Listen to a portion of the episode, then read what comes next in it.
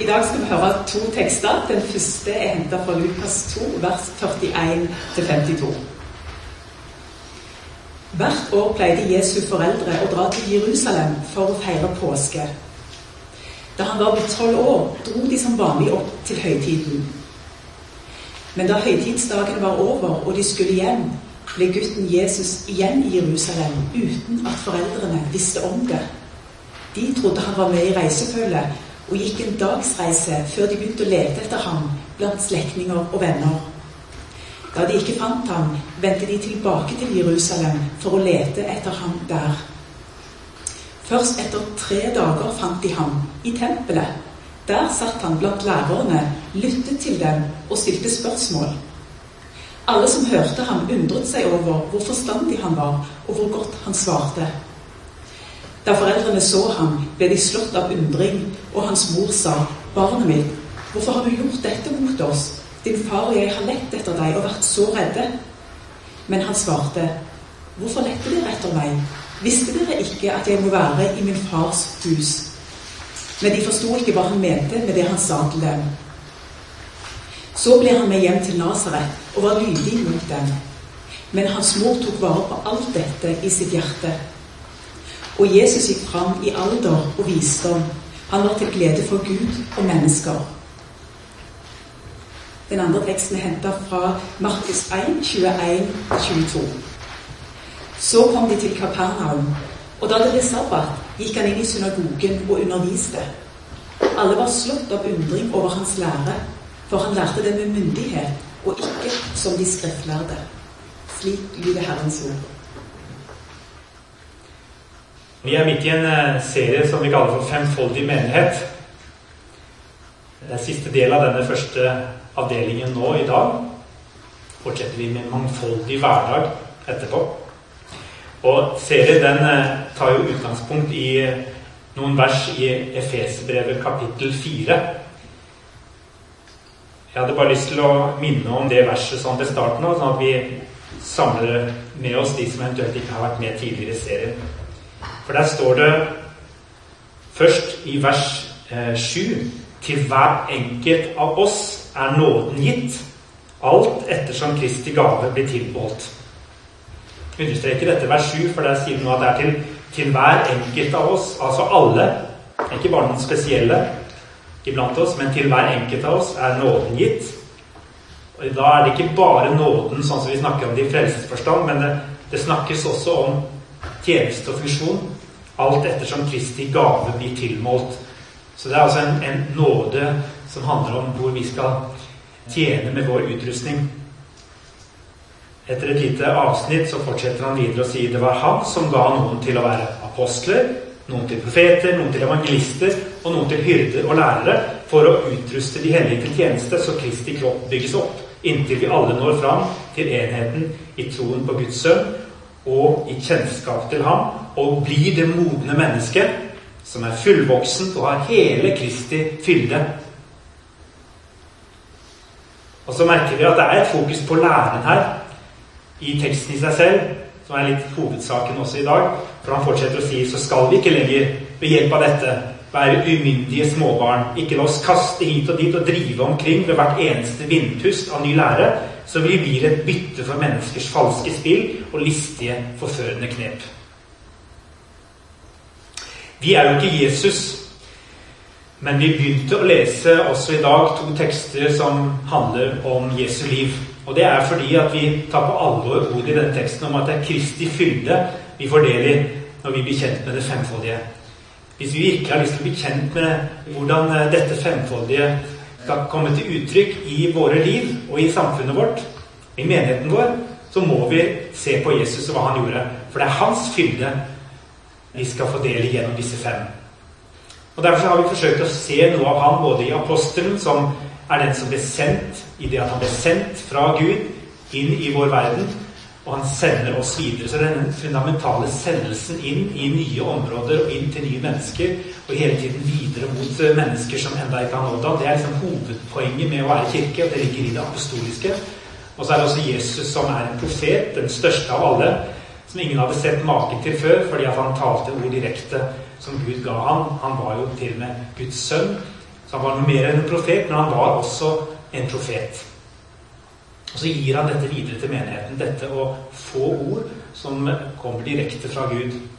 Og så er det noen som sier at apostlene det var de tolv, og profetene det var bare den første generasjonen. At det var noen som hadde profetiske ord. Så er det bare de neste vi eventuelt fortsatt har i vår kirke. Vi er liksom ferdig med den apostoliske og profetiske perioden. Jeg tror ikke det er sånn. Jeg tror ikke det ligger til rette i teksten for å forstå at to av disse er vi ferdig med, og de tre andre er det som kommer seinere, og som vi skal fortsatt ha. Nei, jeg tror apostler på ulike måter fortsatt lever i våre menigheter. Og de har en litt spesiell utrustning i det å se hvordan menighetene våre kan hele tiden gå nye veier og brøyte nytt land. På samme måten så tror jeg at vi har profeter som på en særlig måte har et ansvar for å tale rett inn i situasjoner med ord de har opplevd at de har fått fra Gud, men også den mer generelle utrustningen som handler om å ha en tydelighet og en, et mål, en, en retning som ofte er mye mer sånn si, fokusert enn det en del andre i menigheten pleier å ha. Jeg tror det ligger litt til den profetiske utrustning som mange av oss mange kan merke at, at finnes iblant oss. Og så trenger vi å heie på den eh, gaven og si kanskje du skal be litt over det og snakke med noen andre som kanskje våger å bruke ordet profet om seg selv, og finne ut hva det betyr i ditt liv. Jeg tror de finnes. Jeg tror de er avgjørende for at kirkene skal vokse. At det er noen som har dette fokuset og retningen videre og våger å stille spørsmålstegn ved hva vi holder på med. Og så har vi evangelistene. da. Jesus var selvfølgelig en evangelist. Det var han som forkynte det gode budskapet, og som brakte evangeliet til menneskene rundt seg. Han var selv det gode evangeliet. Han var evangelisten, og så kalte han sine disipler til å bringe de gode nyhetene videre. Så er det noen som har en ekstra utrustning i det å ikke bare forholde seg til kristne, men som eh, har et stort uh, nettverk, og som lett kommer i kontakt med nye mennesker på arbeidsplassen og andre steder. Og så er det å finne ut at jeg kan bruke denne evnen min til å bygge relasjoner, kanskje til å også snakke om Jesus. Det at jeg har et stort nettverk og er i kontakt med mye mennesker, kanskje det er fordi Gud på en særlig måte vil bruke meg i det der å være en evangelist. Og Så kommer de to siste, da, som Ariani snakket om for to uker siden, og som jeg skal snakke om i dag, som det finnes ganske mange av. Jeg tror det er veldig mange av oss i menigheten som kan kjenne oss igjen i at vi er enten hyrde eller lærer. Jeg tror sånn Statistisk sett, når man tar tester, og sånn, så er det relativt mange som plasserer seg med en hovedgave innenfor enten hyrde eller lærer. Og Det er jo en velsignelse, for vi trenger så utrolig mye hyrdene. De som er omsorgsfulle. Hyrden kan vi lett tenke er en person som uh, er leder for menigheten, men det er et mye videre begrep enn det sånn som jeg leser det. Det er den som viser omsorg, som tar vare på mennesket, som tar vare på eh, fellesskapet, som sørger for å hente inn igjen de som faller utenfor, som hele tiden spør seg har vi det bra, blir vi ivaretatt. Det er helbredelsestjenesten, det er omsorgstjenesten, det er diakonitjenesten. Og heldigvis er det mange hyrder iblant oss. Men kanskje vi skal bli enda modigere på hva det betyr, at vi skal være frimodige i den oppgaven. Og så skal vi bli fokusert i den oppgaven. Sånn at ikke vi ikke sliter oss ut på å skulle ta oss av alle hele tiden. Der kan vi få litt hjelp av noen av de andre gaveutrustningene. For hyrden har et ønske om at alle skal med, og det kan også være selvutslettende. Så er det læreren, da. Den siste. Det er noen som sier at uh, vår del av kirkelandskapet Vi har ganske mye lærere. Vi er velsignet med en lærertradisjon, og det kommer nok litt av Luther og reformasjonen, som på en måte løftet fram viktigheten av å granske Guds ord og finne ut hva er det egentlig som er kunnskapen og visdommen her. Fornye den forståelsen av hva egentlig Bibelen og Guds ord har å si inn i vår tid. Og Det ligger på mange måter til lærergaven å søke sannhet. Men det er jo forankret i hvem Jesus selv var. Og Jesus han begynte allerede da han var tolv år å, trekkes mot denne kunnskapen, den overveldende kunnskapen som fantes allerede i hans egen tro. Og Hvor var kildene til hans kunnskap? som en eh, ung lærer på bare tolv år? Jo, det var Det gamle testamentet, for det var hans bibel. Og hvem var det som mest av alt kunne gi han svar, og som kunne utforske dette sammen med han, utover hans egen far? Som ikke var en sånn utpreget lærd mann, han var mer en håndverker. Nei, han fant noen andre i tempelet når han var der som tolvåring. Og så ble han værende igjen der sammen med de lærerne, for her fant han plutselig noen han kunne drøfte alle disse tingene som hadde kokt i hodet hans gjennom hans eh, første barneår. Han visste jo så mye mer enn mange andre barn på hans alder, og han var jo den nye læreren. Som alle skulle lytte til noen år etterpå. Men han begynte der med disse andre, for det var det som var kilden til hans egen tro. Det var å forstå sin egen rolle i lys av tekstene i Det gamle testamentet. Profetiene. Hvem var nå han? Og etter hvert så tror jeg han forsto mer og mer av hva han skulle gjøre. Men det blir sagt om han allerede da at eh, de ble slått av undring. Han lyttet og stilte spørsmål til lærerne. Alle som hørte ham, undret seg over hvor, forstandig han var, og hvor godt han svarte.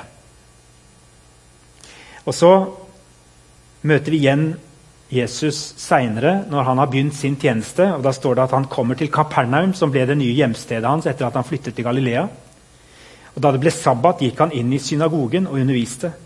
Alle var slått av undring over hans lære, for han lærte dem med myndighet, og ikke som de skriftlærde. Her ser vi hvordan Markusevangeliet og også Seinere hører vi det samme i bergprekenen i, i bl.a. Matteusevangeliet. At uh, det settes en kontrast mellom Jesus som lærer og de samtidige skriftlærde og rabbiene, mestrene, på den tid. Det var et eller annet Jesus kom med som var annerledes, selv om han gikk inn i denne lærertradisjonen som allerede fantes. Hva var det som var annerledes med Jesus? Jeg vet ikke, men jeg tror han spitset noe av funksjonen som hans samtidige lærere hadde kanskje glemt eller ikke tatt med seg. For det første så handlet det om kjærlighet til ordet, og det hadde han til felles med andre lærere på sin tid. Det handlet om at han var levende opptatt av at ordet, som for han var da Det gamle testamentet og kildene, skriftene, det skulle leses og forstås. Så han leste i skriftene og kunne dem, og tolket dem i lys av sin egen rolle. Og det handler om en søken etter sannhet, som jeg tror særlig lærerne og profetene har til felles. Det er ikke det at ikke de andre utrustningene er opptatt av sannhet, men jeg tror vi finner det særlig igjen hos profetene og lærerne. De er spesielt opptatt av at vi skal ikke bare stå på talerstolen og, eller være i et, en cellegruppe eller være ute på arbeidsplassen og lire av oss ting som ikke har både vitenskapelig og bibelsk fundament. Og det skal være sant. Vi skal ikke bare leke butikk. Og Lærerne vil ofte snakke om det. Men er, det, er dette her virkelig det du snakker om nå fra talerstolen? Er dette virkelig fundamentert i Bibelen?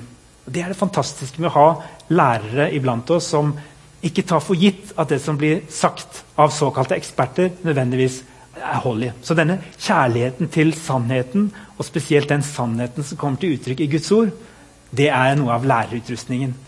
Og Hvis du allerede kjenner på det, at du er blant de som nesten kan overraskes litt over hvor uinteressert folk er i å finne ut hva som egentlig står, eller hvordan dette egentlig skal forstås i vår tid Nei, De er liksom bare opptatt av å snakke med mennesker, og at alle skal ha det bra.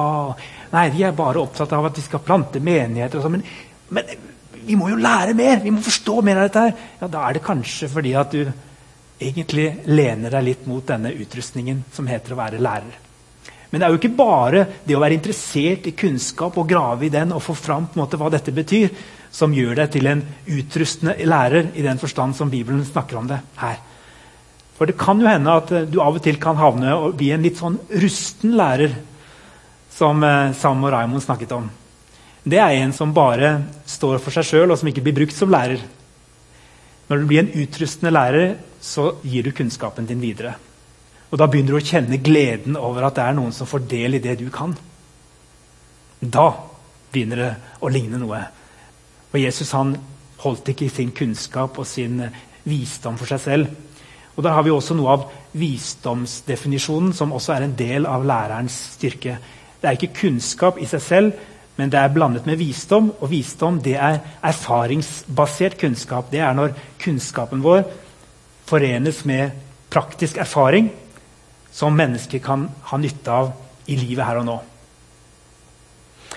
Hva var noe av utfordringen som lærere kunne ha? Paulus også snakker om, om faremomentet med det å være opptatt av kunnskap for kunnskapens skyld.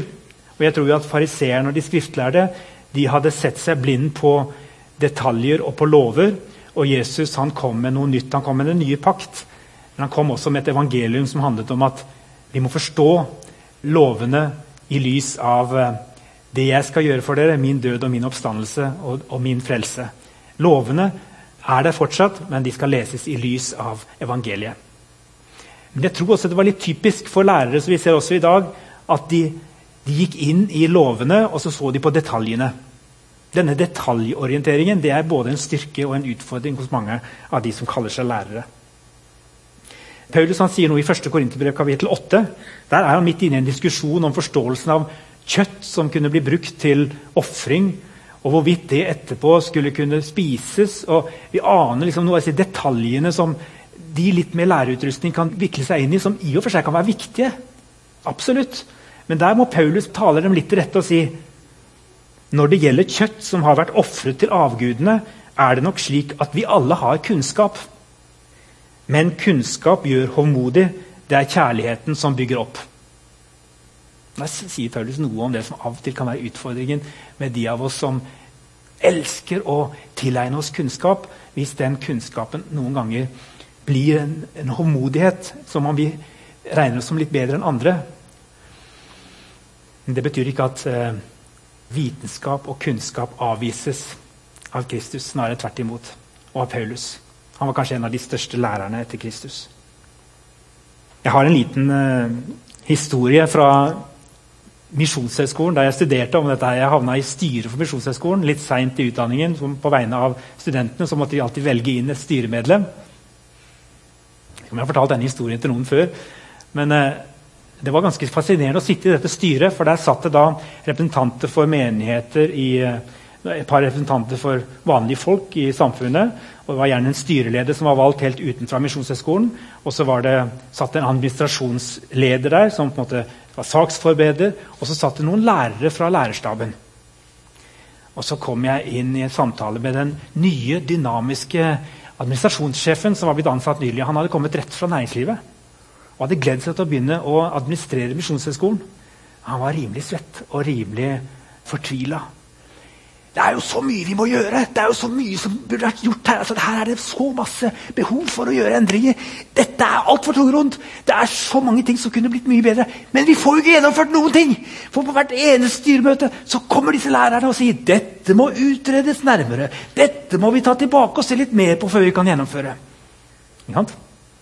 Skjønte dere at han, der, der satt jo han med det femfoldige midt i sitt styre. Og De hadde ikke helt funnet ut av hverandre og hva som var den ene og den andres rolle. Og akkurat På Misjonshøgskolen var det nok sånn på den tida at det var fortsatt lærerne som hadde siste ordet. Det var ikke de andre ansatte på skolen som skulle bestemme så mye om hva utviklingen skulle være. Og Da kan det jo hende at mange av disse lærerne også hadde denne utrustningen i det femfoldige, og også var spesielt opptatt av at vi ikke skal ta for raske grep og skynde oss for fort. For det kan hende at vi da kommer i konflikt med både Bibelen og med en del gode styringsredskaper som har fungert godt her i mange år. Det er typisk læreren.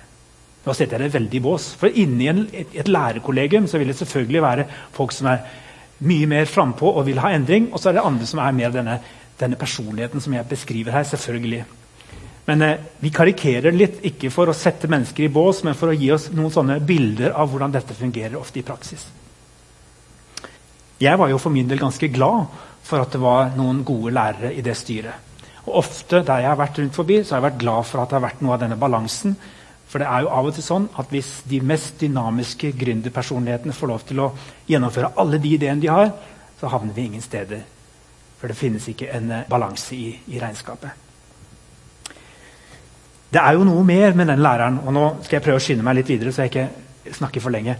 Men det er jo noe mer som får enda tydeligere fram den andre siden av Jesus, som ikke var på en måte bare den å samle kunnskap, være opptatt av detaljer og, og være tro mot Guds ord, men det var denne rabbi-funksjonen. For man husker på det at det, Vår oppfattelse av en lærer i hvert fall i vår tradisjon, har jo vært litt sånn kateter. ikke sant? Det er den som, som har et pensum, skal undervise, og så har man lært mye mer om, om pedagogikk og gjør dette på praktiske måter. Men vi har strevd litt med å komme ut av den, den derre vitenskapstradisjonen og pedagogiske tradisjonen som vi er en del av. Men på Jesu tid så var det litt annerledes. For en rabbi som hadde sine disipler, hadde ikke noen få timer hver dag der de satt og hadde undervisning fra et kateter. Om det er sånn man gjør i dag, vet jeg ikke, men, men det er ofte sånn man har snakket om at en lærer gjør. Det er de som kan på en måte lese opp noe, så forklarer de her skal du lese, her skal du Nei, rabbien han tok med seg disiplene i livet sitt. Og så gjorde han de helt vanlige tingene. og Så hadde han en liten undervisning her og en undervisning der. Men veldig mye handlet om å vise en, være en modell for sine disipler. Så Derfor så var de faktisk med Jesus. Det ser vi allerede i Johans evangeliet kapittel 2. At når Jesus som rabbi kaller sine første disipler, så sier han 'Kom og se'. Så blir de med en gang med han hjem. står det. Ja, Det var en helt naturlig del av det å bli en disippel. At du da flyttet inn sammen med din mester. og Enten det var disiplene som tilbød et husrom, eller om det var rabbien selv som hadde hus. Men det var å leve sammen, spise sammen, og at undervisningen skulle gis i hverdagslivet. Og da nærmer vi oss jo veldig mye det som er veldig mange, manges familieerfaring.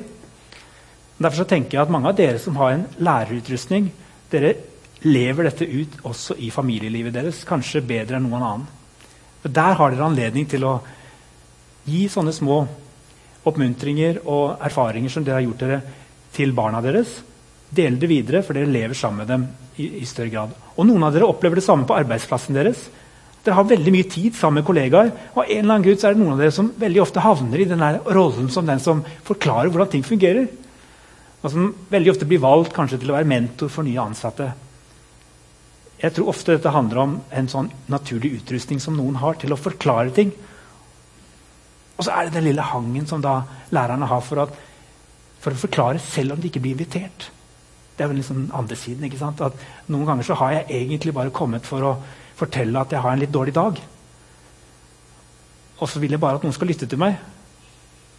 Og så har jeg litt sånn lærerside. så veldig fort for meg da, I stedet for bare å Å ja, akkurat. Du vil egentlig bare fortelle meg det. Hva er det jeg gjør? Veldig fort hvis jeg har litt denne lærerpersonligheten av og til. Jeg vil helst prøve å komme inn og prøve å forklare hvorfor det kan være sånn. Ja, Hva er årsaken her? da? Skal vi se. Kan, kanskje, jeg kan, kanskje jeg kan litt om dette her. Og så prøver jeg kanskje å belære inn i situasjonen, selv om jeg ikke var invitert til det. Og prøve å finne en løsning, selv om egentlig ikke det var det jeg ble spurt om. Jeg ble bare spurt om det var greit å for, kunne bare få et lyttende øre. Noen av oss elsker å forklare sammenhenger. Noen av oss elsker å ta folk videre. Og det det tror jeg er ganske fint, at det fins sånne mennesker. Og så må vi samtidig bli korrigert litt av de andre, av hyrden f.eks., som sier hør, det var egentlig ikke et poeng at ting skulle forklares da. Skal vi ikke bare gi hverandre omsorg, støtte, ikke nødvendigvis gode råd, og ikke nødvendigvis vise hvor veien går videre? Så Den beste læreren er nok den som henter ut noe fra de andre utrustningene også, og etter hvert utforsker Kristus sånn som han var i sin fylde. Det er ingen av oss som kan si at uh, vi er bare det ene, og vi har ikke noe interesse for evangelisten eller profeten. Nei, Vi strekker oss mot noe av de andre og prøver å lære litt. Hva er, det, hva er det disse andre gjør som jeg ikke helt er så fortrolig med? Kan jeg ta etter noe av det? Eller skal jeg få lov til noen ganger å si det skal jeg slippe å være god på? For dette, dette er det vi har kroppen til. At det er andre som kan bidra der jeg ikke er så flink.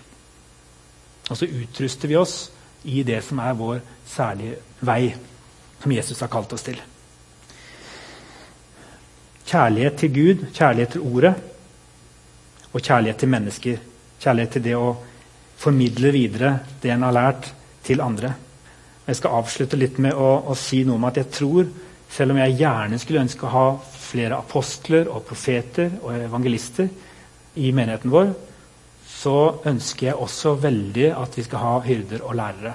Og det jeg lengter etter, det er at flere av dere som er lærere, eller alle egentlig som kan strekke seg i den retningen, skal spørre seg sjøl hvem vi er åndelige foreldre for. Og Derfor jeg sier at dette handler ikke minst om hva vi gjør i familien. Eller vi gjør overfor de som er litt yngre enn oss.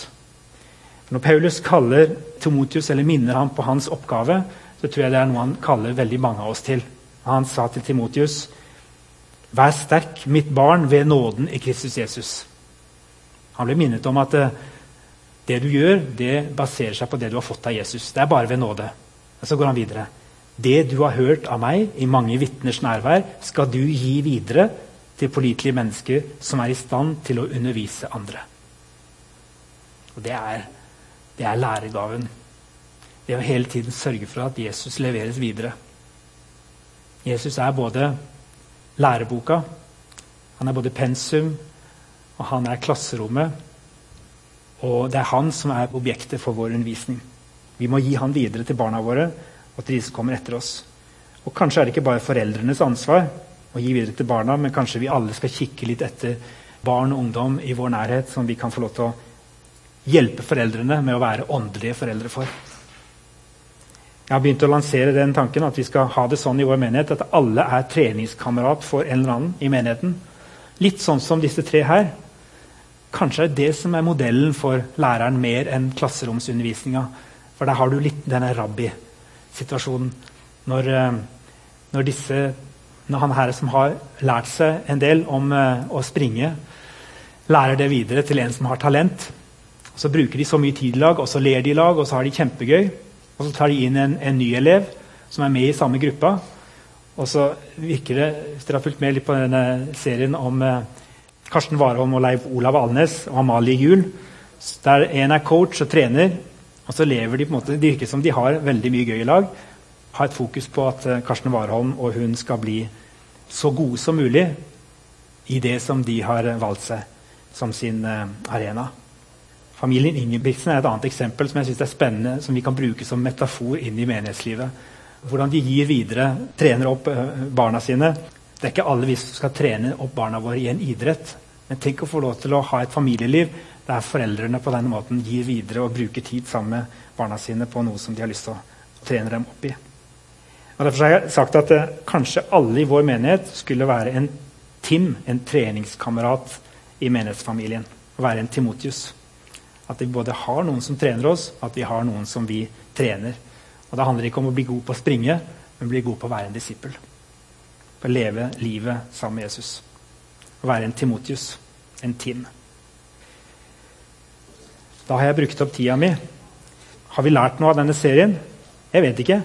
Det er helt nytteløst og typisk læregreier, kanskje, hvis dette var bare masse interessant informasjon for sin egen skyld. Nå, nå utleverte jeg kanskje læreren litt for mye. Altså, de gode lærerne de klarer jo å fortelle dette på en sånn måte at det blir relevant for oss. ikke sant? Jeg vet ikke om dere har opplevd det sånn.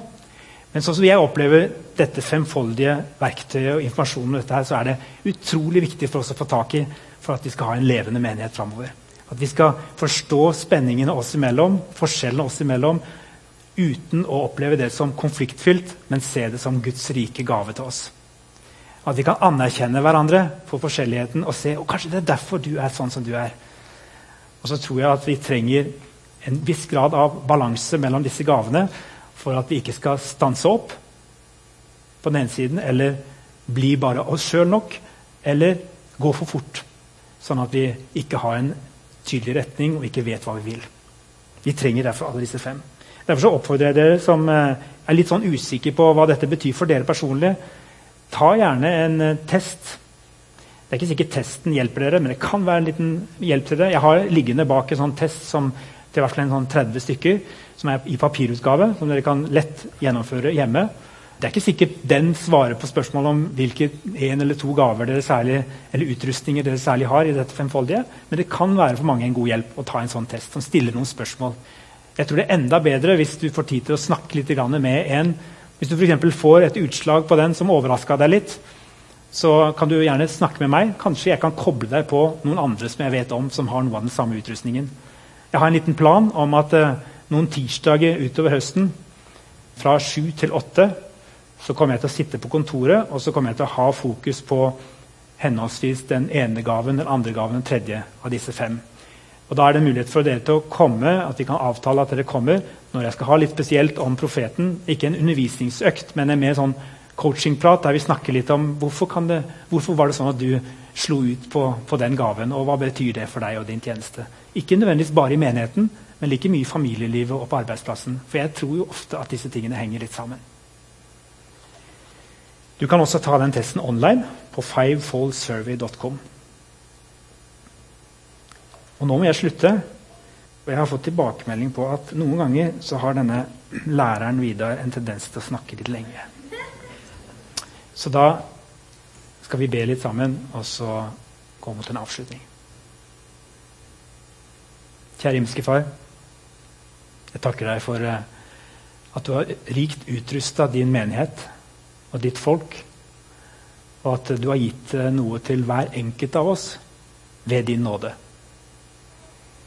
Jeg ber om at ikke noen av oss skal tenke smått om hvem vi er, selv om vi kan eh, være på ulike steder og ha ulike roller i en eller annen form for organisasjon eller menighet eller arbeidsplass.